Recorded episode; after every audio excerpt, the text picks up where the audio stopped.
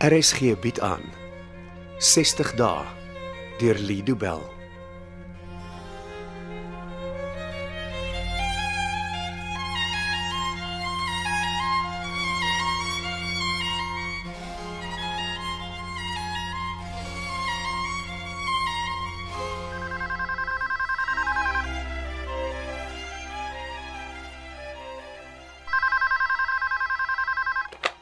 Dokter Loos wat praat? Hallo dokter Louis, dis weer Richard April hier. Ja. Ons het van tevore gepraat. Ek is Susan se lese prokureur. Ja, ek onthou. Hoe gaan dit met Susan? Dit is private inligting. Sy is my kliënt. Pasiënte se inligting word met niemand gedeel nie. Dit behoort nie vir jou nuus te wees nie. Ek moet inligting oor haar saak met haar deel. Sodra die behandeling voltooi is en mevrou Silje weer gesond is, kan jy soveel inligting met haar deel as wat jy wil. Hoe is ek veronderstel om haar te verdedig as ek nie met haar mag praat nie? Hoe is ek veronderstel om haar te help met haar verslawing as jy elke liewe dag daarop aandring dat my behandeling moet stop omdat jy met haar wil praat? Ons moet 'n manier vind wat ons kan toelaat om ons werk te doen. Nova Sentrum Nou se program vereis dat Susan vir ten minste 10 dae van die buitewêreld afgesonder word. My werk vereis dat ek my kliënt op hoogte hou van wat met haar saak gebeur. Susan Silje is deur die hof beveel om behandeling vir haar alkoholverslawing te ondergaan. Ek was die een wat die hof daarvoor gevra het. Dan behoort jy ook te weet dat ek slegs direk aan die hof verantwoording moet doen. Dokter Loos, die feit bly staan dat ek dringend met my kliënt moet praat. Hoekom? Anders het verander en Susan moet weet. Sy moet die realiteit van haar situasie verstaan. Wel, die aanvaarding van die realiteit van elke pasiënt se situasie is deel van ons program. Wat dan as die situasie waarvoor sy voorberei word nie meer haar realiteit sal wees nie? Ek verstaan nie. Susan sal nie tronk toe gaan nie. Ek aanvaar dat jy 'n goeie prokureur is, maar uh, dit is nie genoeg rede vir my om die behandeling te verander nie. Dis nie wat ek vra nie. Ek vra slegs dat jy my toelaat om vir 5 kort minute met Susan te praat. Nee. Jy vra vir iets wat ek nie kan toelaat om te gebeur nie. Nou goed dan. Laat ek oop kaarte met jou speel. Susan glo dat sy verantwoordelik is vir die dood van 'n vrou, reg? Ja. Sodra sy nie meer erge onttrekkingssimptome ervaar nie, is dit een van die kwessies waaraan ek en sy sal werk. Wat as ek vir jou sê dat dit wat Susan glo gebeur het, glad nie gebeur het nie? Daar was geen ongeluk nie. Die ongeluk het gebeur, maar Susan het nie bestuur nie. Sy aanvaar volle verantwoordelikheid. Sy erken dat sy die motor bestuur het. Dis wat sy glo, maar dit het nie gebeur nie. Hoe is dit moontlik? Iemand anders het bestuur. Susan was nie in beheer van haar kar tydens die ongeluk nie. En jy kan dit bewys? Ja, Hoe? daar is sekuriteitskamera-opnames van die ongeluk. Uh, is jy nog op die lyn, uh, dokter Loos? Ja, meneer April, ek Dis net dat jy skielik stil geword het. ek dink Daar's niks om oor te dink nie. Susan is onskuldig en moet so gou as moontlik weet dat sy is. ek twyfel of daardie inligting haar kan help. Natuurlik sal dit help, ek is seker. Die feit dat sy glo sy tronk toe moet gaan, iets is wat haar dag en nag pla. Susan sukkel om te slaap. Maar wat in die toekoms mag gebeur is nie die rede nie. Wat hou haar wakker? Onttrekkingssimptome. Sy's maar 'n paar dae hier by ons en haar liggaam is besig om gewoond te raak aan zero alkohol. Is daar nie pille of iets wat haar kan help nie? My pasiënt ontvang die medies korrekte behandeling. Dokter Loos, jy los my geen ander opsie as om vir 'n hofbevel aansoek te doen nie. Ek sal natuurlik jou aansoek teestaan. Op watter gronde? my pasiënt se welsyn. Sy is deur die hof in my sorg geplaas en ek sal haar ten alle koste emosioneel en fisies beskerm terwyl sy hier behandel word. As ek eerlik moet wees, klink dit vir my dat jy Susan Celia as 'n groot prys beskou en haar heel anders as jou ander pasiënte behandel. Ek is bevrees jy het nog baie om te leer oor verslawing en die nagevolge daarvan. Ek is altyd bereid om te leer. Wat is dit wat ek moet weet? Verslawing is soos die dood. Niemand word voorgetrek nie. Daar bestaan nie so iets soos 'n spesiale verslaafde nie.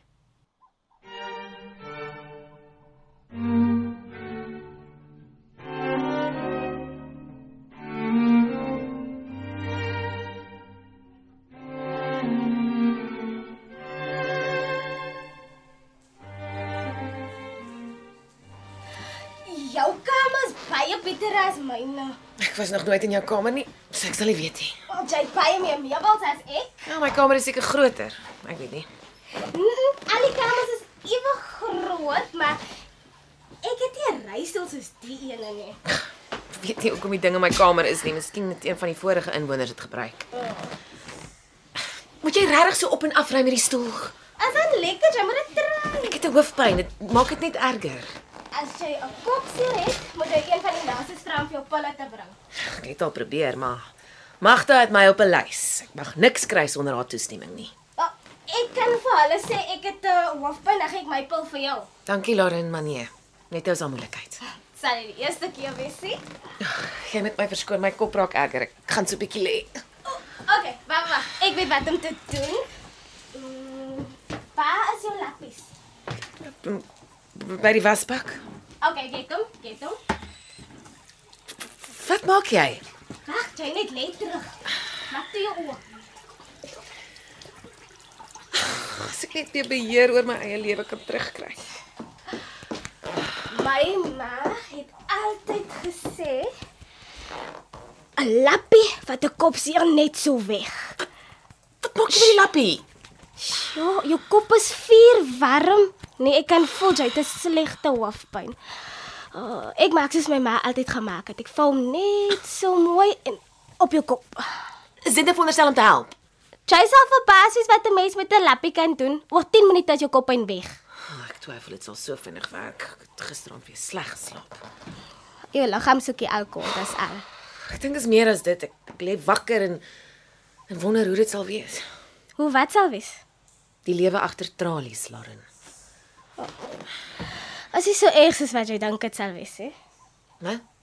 Was jy al in die dronk? Mm, 'n paar jaar gelede. Mm, Hoekom het jy agter tralies beland? Wel, ek en my boyfriend Joe, ons het gehad nodig gehad vir jy weet wat, Mhm. mm -hmm. ja. Toe besluit ons om 'n winkel te beroof.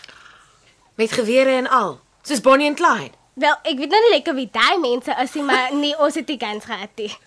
Lauren, jy was ook al deur als, né? Wel, een van Joe se vriende het vir hom gesê die winkel het nie 'n alarm nie. Toe in die middag van die nag, toe breek ons in. En toe gaan die alarm af. Ja, maar ons het nie daai geweet nie. Jy het nie gehoor nie want jy was bedwelmd geweest. Maar Dis nie hoekom ons nie gehoor het nie. Die alarm het by die sekuriteitskantore afgegaan. Oh, stil alarm. Ja, en ons het dit daai gewet nie. En ons het eers 'n piep gehoor in die winkel. nie. Skielik was dit net flitsligte en fluitjies en groot mans met guns en ek en Jose daar as rowers was getel. Hoe lank was jy in die tronk? Ek is vir 'n jaar gefonnis, maar ek het net 6 maande gesit. Jy het parol gekry. Ja, 'n paar maande se good behavior en ek was vry En was dit moeilik? om weer vry te wees. Nee man, om by die wêreld agter tralies aan te pas. O, oh, ehm um, nee, dit was nie my probleem nie. Ek maak mos my vriende oral. Ek weet nie hoe ek dit gaan hanteer nie. Maar wat praai jy die meeste? Om so vasgehok tussen 'n klomp vreemdelinge te moet leef. Wel, dit raak 'n mens vinnig gewoond. Ek kan my dit nie indink nie. Die moeilikste is die tyd voor jou hofsaak. Maar as jy eers gefonnis word, stuur hulle jou na die tronk waar jy jou vonnis sal uitdien. En dit vir mense is jou nuwe huis. Ek vermoed ek gaan geboelie word as hulle eens agterkom ek is 'n chirurg. Are you kidding me? Hulle sal so happy wees jy's daar. Ek verstaan nie.